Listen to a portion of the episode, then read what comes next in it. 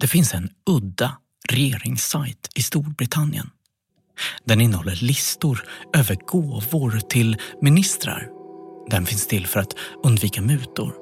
Längst ner på den sajten finns ett väldigt kort inlägg från lördagen den 28 april 2018. Den visar på en övernattning som Boris Johnson, Storbritanniens utrikesminister vid den här tiden, gjorde i Evgenij Lebedevs hus. Det står att Boris Johnson var där tillsammans med en citat, maka, familjemedlem eller vän. Slutcitat. Och det är allt. Det här kala inlägget antyder inget drama, ingen referens till ett glamoröst ställe och absolut inga intriger. Men exakt de grejerna finns i bakgrunden och mycket mer. Dagen innan, på fredagen, har Boris Johnson varit i Bryssel på toppmöte för Natos utrikesminister. Det är det första toppmötet sedan ryska agenter försökt förgifta dissidenten Sergej Skripal och hans dotter Julia i Salisbury sydväst om London. De blir förgiftade med nervgasen Novichok men överlever. Vid mötet uppmanar Boris Johnson sina ministerkollegor i Nato att göra mer för att ta itu med Rysslands otäcka inflytande runt om i världen, som han kallar det. Efter det flyger han till Italien för en fest. Arrangerat av en före detta KGB-agent. Han är inte där tillsammans med en maka, släkting eller vän som det står på den där hemsidan eller ens hans närmsta skyddsvakter. Han är själv. Han är där för att övernatta på Palazzo Terranova. Och där är inte bara Evgenij Lebedev utan också hans far, Alexander Lebedev. Det är inte första gången Boris Johnson väljer att åka på en spontanresa. En gång försöker en av hans ministrar på utrikesdepartementet ta reda på var utrikesministern befinner sig över en helg. Senare får departementet reda på att Johnson ägnat helgen åt semester på en superjakt med den saudiska prinsen Mohammed bin Salman. Men utflykten till Lebedev-familjen i italienska Umbrien kanske är mer problematisk. För det går inte obemärkt förbi hos Storbritanniens allierade. Jacopo Jacobini är italiensk grävande journalist som skrivit för bland annat New York Times och The Guardian. This is very, very worrying scenario because not just a foreign minister of an allied country comes here in the house of uh, a former KGB spy. Not just this, but the Italian intel knows this very well. It informs the Italian government. And so the Italian government is well aware of this dangerous trip of Boris Johnson. Boris Johnsons besök skapar rubriker i brittiska tidningar eftersom någon ser honom på Perugias flygplats på söndagen utan bagage med skrynklig kostym. Han vinglar när han går. Alla som ser honom antar att han är fruktansvärt bakfull. In Italian they write party a luci rosse, red lights parties. Literally, this is written in the report. It seems to me crystal clear that a foreign minister, then prime minister, who simply has been invited in that kind of party is a, a victim of a potential compromise. Rädslan för kompromat, det vill säga rysk utpressningstaktik, är befogad. Men också riskerna som Boris Johnson tar med sin personliga säkerhet. Men det är en annan sak man också borde vara orolig för. Något som är ännu värre. Enligt en källa ska Alexander Lebedev under den festen försöka skapa en direkt oövervakad linje mellan Storbritanniens utrikesminister och Sergej Lavrov, Rysslands utrikesminister, för att diskutera fallet med Sergej och Julia Skripal. Alltså de som förgiftades av ryska agenter i England. Det finns förstås inga formella uppgifter om det här. Men vittnesmålet stöds av tre andra personer kopplade till brittiska utrikesdepartementet. En av dem berättar att Boris Johnsons personal är bestörta över att han överväger att använda Alexander Lebedev som mellanhand. Om det ska upprättas officiellt från London skulle den här typen av samtal ha varit noggrant genomtänkta och noggrant övervakade. Nu verkar det som att en för detta KGB-agent erbjuder sig att fixa det utan några skyddsåtgärder på plats. Det här är Londongrad, oligarkerna som fästade till sig makten. Den här serien gjordes ursprungligen av Tortoise Media och har adapterats och översatts till svenska av oss på Nodio och Third Ear Studio. Vår reporter Paul Caruana Galizia söker svaren om hur de ryska oligarkerna tog över London. Han har sedan 2021 rapporterat om oligarkernas framfart i London och den här serien Londongrad publicerades första gången 2022 i Storbritannien. Jag heter Martin Jonsson.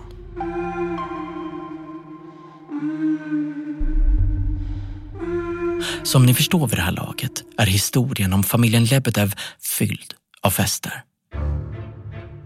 Antingen fester som är utspridda över hela London eller diskret undangömda i kullarna i Umbrien.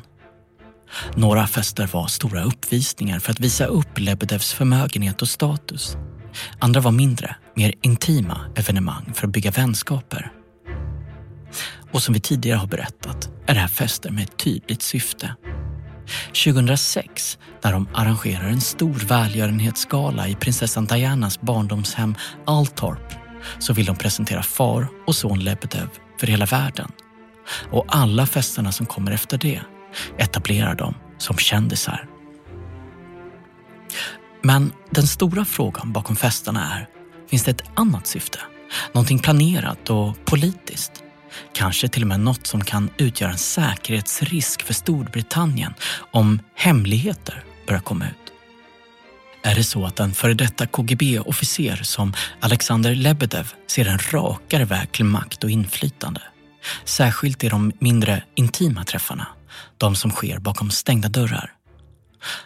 Och borde hans gäster vara misstänksamma över Lebedevs verkliga agenda? För det här avsnittet av Londongrad handlar inte så mycket om Evgenij Lebedev och hans far Alexander som arrangerade festerna, utan om en gäst som verkar vara lycklig över att bli bjuden. Boris Johnson. Samma enhet i den ryska underrättelsetjänsten som försöker mörda Sergej och Julia Skripal inleder nu också cyberattacker det gör de mot Storbritanniens säkerhetstjänster, deras försvarsmakt och Boris Johnsons utrikesdepartement. Regeringen är under attack. Det leder till att parlamentets underrättelse och säkerhetskommitté börjar utreda det hela. Our report covered the whole sphere of potential Russian state activity. And that included cyber, it included possible interference in elections or referendums by bots or by deliberate mm. interference.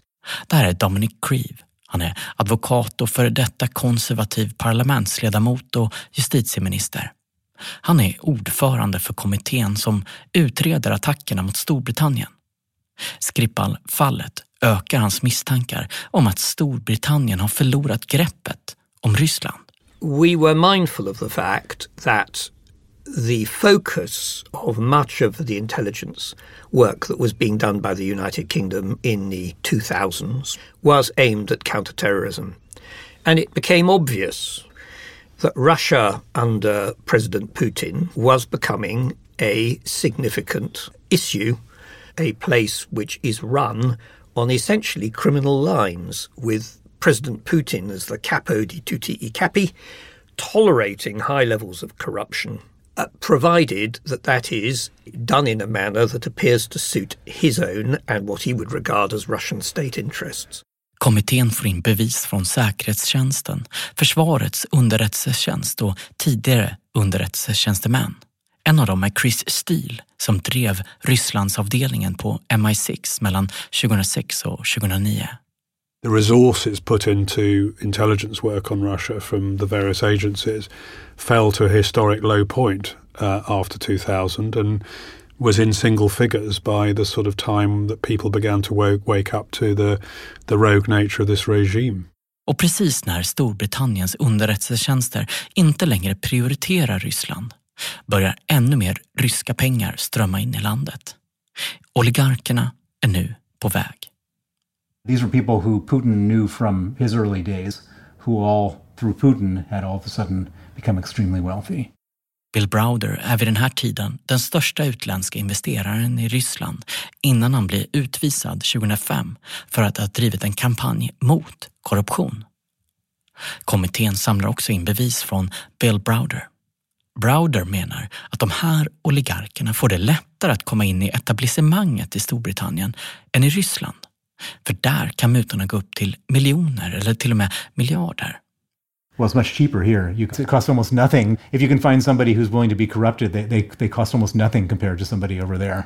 You know, the, the, the price of corruption is much higher in Russia. You know, these people sell themselves cheap. För Dominic Greaves kommitté blir det tydligt vilka effekter det här får på Storbritannien. Landets ekonomi späs ut med pengar från ryska oligarker som i vissa fall också tvättar sina pengar i London. I think it's clear from our report that it was accepted that this was a real issue. We have, over a period of 25, 30 years, allowed our country to be suffused with money from Russian expatriates, some of whom continue to have very close links with the Russian state.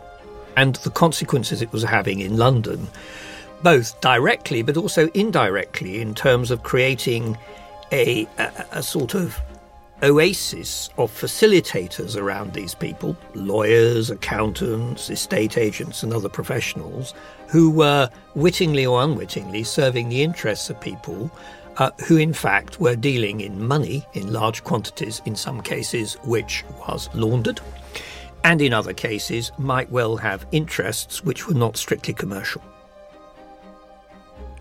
Men det här är inte bara en fråga för London eller ens bara Storbritannien. De pengarna som strömmar in i landet kommer från vanliga ryssar. Det är pengar som stjäls från välfärd och företag. Så i slutändan är det ju egentligen den ryska befolkningens pengar. Russian opposition politician Alexei Navalny survived an assassination attempt in the summer after being poisoned with the nerve agent Novichok. Journalisten Maria Pevcik hjälper Alexei Navalny att avslöja vem som har förgiftat honom med nervgiftet Novichok och hur det har gått till. My name is Maria Pevchik, and I'm the chief investigator at the Anti-Corruption Foundation, um, the NGO um, that was established by Alexei Navalny, who's currently in prison, serving a nine and a half year sentence. Okay, then tell me what kind of clothes it was applied on. What was the main focus? What's the riskiest piece of clothing in theory? Well, underpants. Underpants. Maria, do you feel do you feel safe doing your work? Do you feel at risk?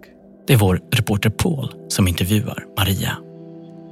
Do I feel safe? No, absolutely not. I, I don't remember what safety feels like. Hon kan inte berätta var hon är just nu, men hon jobbar fortfarande med att avslöja och belysa korruption i Ryssland. Russian government officials actually quite genuinely think that they are underpaid and they think that they deserve more. They think that they are so, you know, like genius and big and skillful. And if they were businessmen, they would be billionaires, but they are serving Russia. Och enligt Maria Pevcik känner de att de behöver kompensation för sin uppoffring. Russian government officials are paid well. Like we're talking big money. Like it's they are not underpaid. It's not like they are rich people anyways. Compared to say the average Russian income, how, how much are they paid? Mm, I'm just guessing my calculator out because I've never actually looked into this. So För att svara på vår fråga tar Maria Pevcik fram sin miniräknare. Hon jämför lönen hos den ryska utrikesministern Sergej Lavrov med en vanlig ryss. Divided by 12, that's the month divided by 75. So Lavrov is probably getting $11,000. So ministers would be getting officially as a base salary something around ten to $12,000 a month. Don't forget that everything for them is for free. because everything is paid. The flat is paid, the car is paid, the drivers are paid for, the uh, assistants are paid for, etc. So the whole apparatus is, is kind of covering their expenses. So this is just their pocket money, essentially, $11,000. Det som fickpengar för Lavrov, förklarar Maria. So we're talking 550 as an average salary for just a regular, just a normal median Russian person. So yeah, 550 bucks here and 11,000 for Lavrov. And then Lavrov thinks that he's underpaid and he gets this, you know, additional bonus bonuses from from the oligarchs. Yeah. So the oligarchs are literally like their wallets. Yeah, correct. That's that's a good word to describe it. Och om ryska tjänstemän använder oligarker som plånböcker för att komplettera sina löner så använder de egendomar i London för att dölja den där extra betalningen. The problem with the UK is that it's very easy to hide your assets in London. In most of the cases that we deal with, we see and we know that this person lives in London. We probably even know where. But there is no way of, of proving it because the house or land would be registered to um, an offshore company in some of the you know, exotic islands somewhere. And yeah, and then good luck, you will never know. Britterna har länge vetat hur lätt det är för någon att anonymt köpa fastigheter i London. Och trots det, fram tills ryska truppernas invasion i Ukraina förra året, har ingenting gjorts för att motverka det. There was this little, you know, a bit of a wink wink situation. It's just, yeah, but like, but they bring so much money to, to, to London. They bring so much cash with them that it's actually not that bad. They will never do anything awfully here because when they hear they play by the rules. Maria Pevcik berättar en historia för oss för att visa hur Storbritannien helt enkelt inte varit tillräckligt uppmärksamma och hur makthavarna har förblindat sig för vad som kan hända med de där olagliga pengarna. Det handlar om en 26-årig ryska som heter Polina Kovaleva.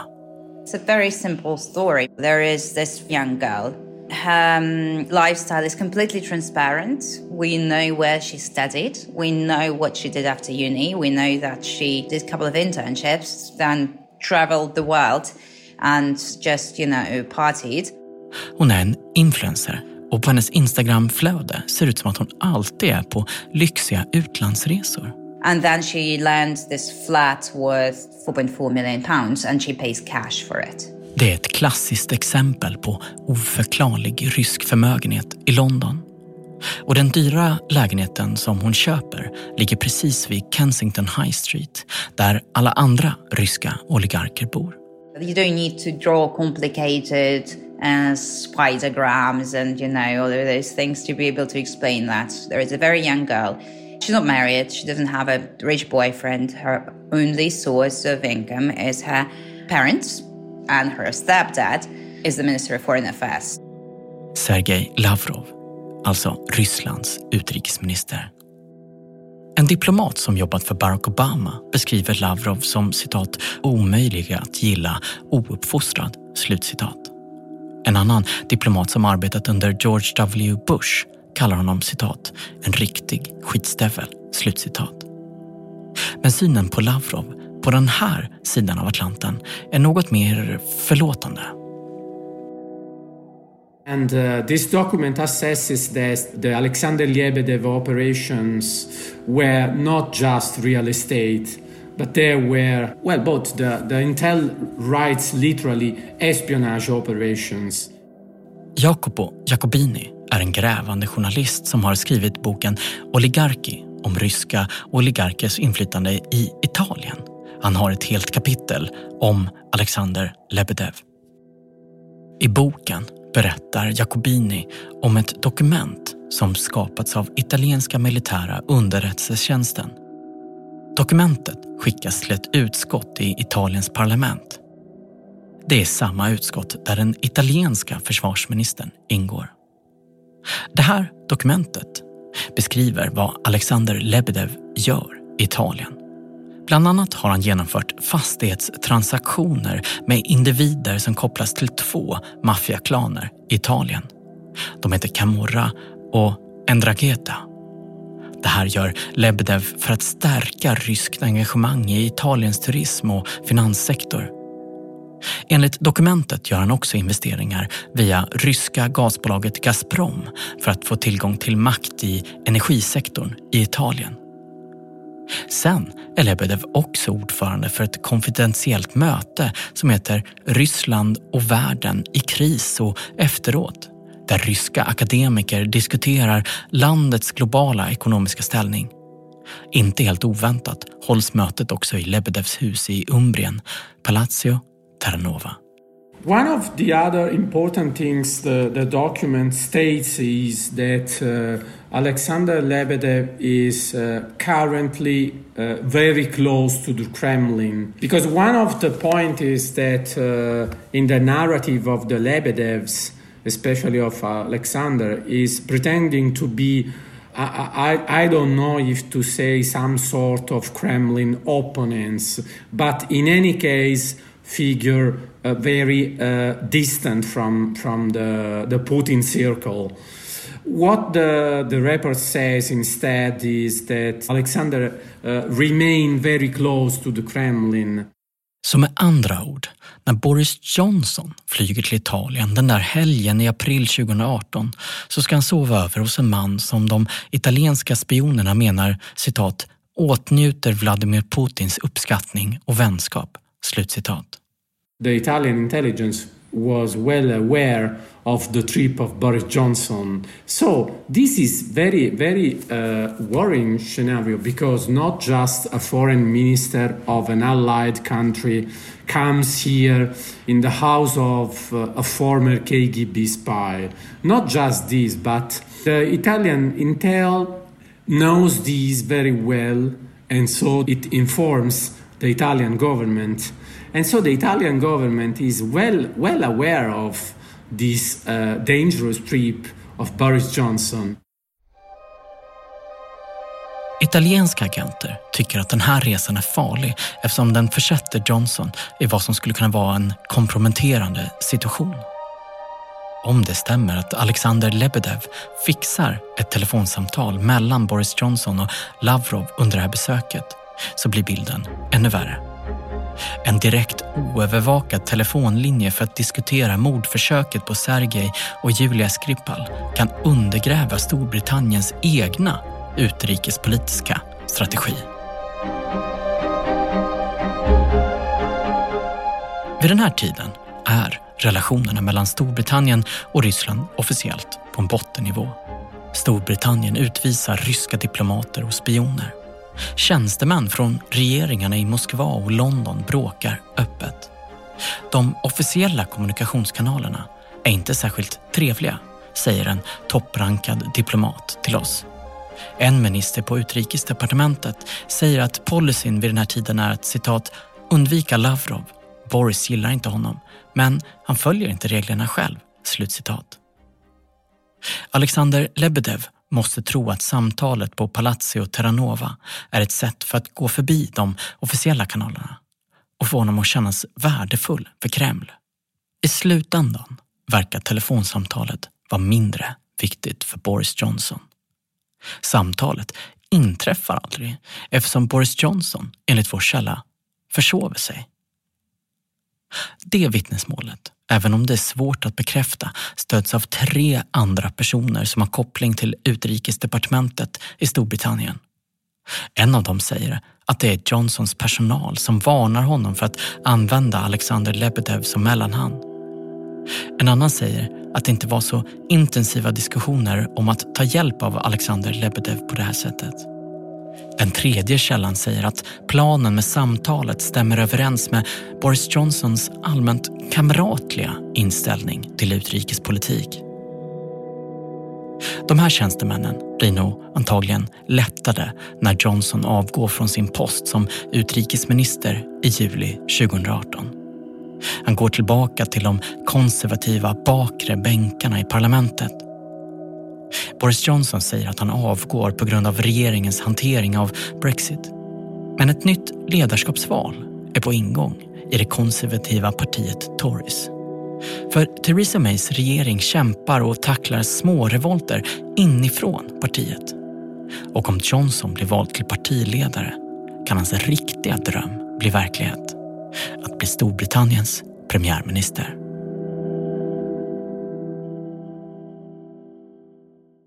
Boris Johnson har stöd från tidningen The Evening Standard.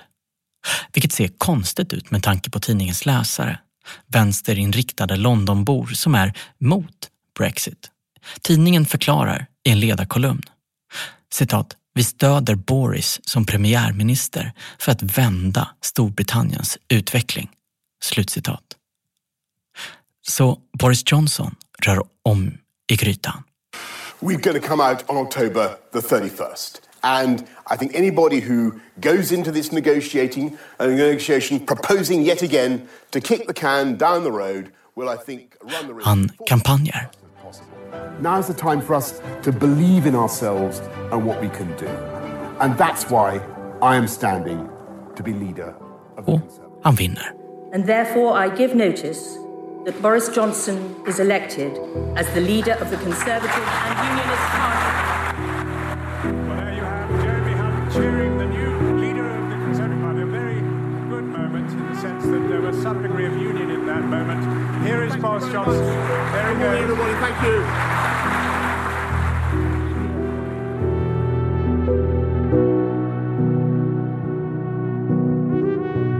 Det är september 2019 och Alexander Lebedev är i London för att lansera sin nya bok Hunt the Banker The Confessions of a Russian Ex-Oligarch. We're really pleased that we're able to be able to support Alexander on this. Modestly, I think Alexander wanted it privately published, but we thought that it was so stimulating that uh, it would make a much... Vissa menar att det är en pretentiös bok. Boken innehåller också vitsord från Elton John, Ian McKellen och John Malkovich. De är tagna från en rättegång i Moskva när Alexander Lebedev var åtalad för misshandel. It's a book about a phenomena I have discovered. It's about a trillion US dollars stolen from most of the countries in the world. Men framförallt så går det inte att lita på vad som står. Bokens förklaringar till varför Lebedev avgår från FSB och varför hans skvallertidning stänger ner skiljer sig från vad vi hört under arbetet med den här podcasten. Som en av hans långvariga medarbetare säger till oss, citat, Alexanders främsta egenskap är dubbelhet, slutcitat. Alexander Lebedevs bok tar också upp ett antal korruptionsfall i Ryssland men är extremt noga med att inte kritisera Putin, mannen som sitter högst upp. Faktum är att i bokens över 500 sidor så nämner han ingenting om Putin. Han nämner inte Putin trots att de båda är med på omslaget med Kreml i bakgrunden.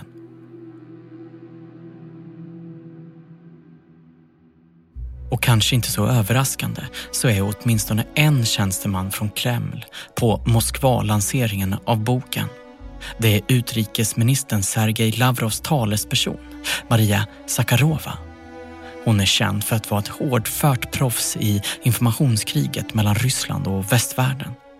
Framförallt är hon känd för att ha spridit desinformation om Storbritanniens respons på Skripal-fallet. Lanseringen i London hålls på Northcliffe House. Det är där Lebedevs tidningar som The Independent och The Evening Standard har sina kontor. Till lanseringen kommer journalister, förläggare och Alexanders son Evgeny. En annan gäst är miljardären Michael Friedman, en Putin-vänlig oligark. En person vars frånvaro märks av är Boris Johnson. För Storbritanniens nya premiärminister har andra saker för sig. Några dagar före Lebedevs boklansering indikerar Boris Johnson att han ska utlysa ett allmänt val för att stärka sitt mandat som premiärminister. Och precis när Johnson börjar planera sin kampanj så landar utredningen från Dominic Grieve på hans skrivbord. Det är alltså Dominic Grieve som lett kommittén som ska ta reda på hur och varför Ryssland angriper Storbritannien med cyberattacker mot regeringen. The report was, from our point of view, ready for publication by September of 2019. Now, the final stage with any of these inquiry reports is they get submitted to the Prime Minister, and the Prime Minister has an opportunity of looking at the report because you have to understand that by the time it goes to the Prime Minister, every intelligence agency has cleared it, so they have no anxieties about it. The Cabinet Office Central Secretariat has cleared it. So the idea that it might have national security implications anymore have been or should have been entirely removed. And if the Prime Minister had some overarching concern, then I, as chair of the Intelligence and Security Committee, would have expected the Prime Minister to ask to see me privately to explain what that concern might be. Boris Johnson återkommer aldrig till kommittén. Now, what actually happened is that this report went in, and the usual turnaround time is about three weeks. Uh, when at the end of three weeks, and we were in the middle of October, I started to become slightly anxious about the fact that we hadn't heard back because it was becoming fairly clear that there was a strong likelihood there was going to be a general election. Tiden är knapp. Snart kan det bli nyval för parlamentet. And the difficulty is that when a general election is called and Parliament is dissolved, the committee ceases to exist. And while the committee does not exist, it is not possible for a committee report to be published. Utredningen kommer alltså inte kunna publiceras om parlamentet blir upplöst. So in mid-October, we started to make inquiries about what on earth was going on. And we encountered initially something of a wall of silence, and then eventually, when it was becoming clear that we were within potentially days of Parliament being dissolved and a general election occurring, uh, we were told that uh, the report could not be published before Parliament was dissolved. Han har bara några dagar på sig att få utredningen publicerad. Det brittiska regeringskansliet tvingar Dominic Grieve att springa fram och tillbaka och de ställer frågor om ändringar i utredningen som egentligen redan har avgjorts i september. Och så här fortsätter det. Fram tills att parlamentet till slut blir upplöst i november. Det nya valet hålls den 12 december 2019. Our exit poll is suggesting that there will be a conservative majority when all the votes are counted after this election of December 2019. Och valresultatet blir färdigt ganska snabbt. It is six minutes past five in the morning, and uh, we are now in a position to say that this election of 2019 formally has been won by the Conservatives. They're now on 327 seats. Det är en jordskredsseger för Tories, det konservativa partiet. Boris Johnson har nu majoritet i parlamentet med 80 mandat. Så Boris Johnson har mycket att fira. Dagen efter åker han till herrgården som Lebedev-familjen hyr med utsikt över Regents Park för deras årliga vodka och kaviar julfest. Festen är också för att fira Alexander Lebedevs 60-årsdag. Vissa menar att det är fascinerande att Boris Johnson överhuvudtaget går på festen. Direkt från valet med ett så stort mandat och en regeringsförklaring att sätta ihop. Han har fortfarande inte utsett någon regering. Premiärministerns inkorg måste ha varit sprängfylld. Folk väntar spänt på vad han planerar att göra. Och vad är det han gör en natt efter valsegen med ett berg av arbete framför sig på skrivbordet? Han går på en påkostad vodka och kaviarfest och han blir kvar länge.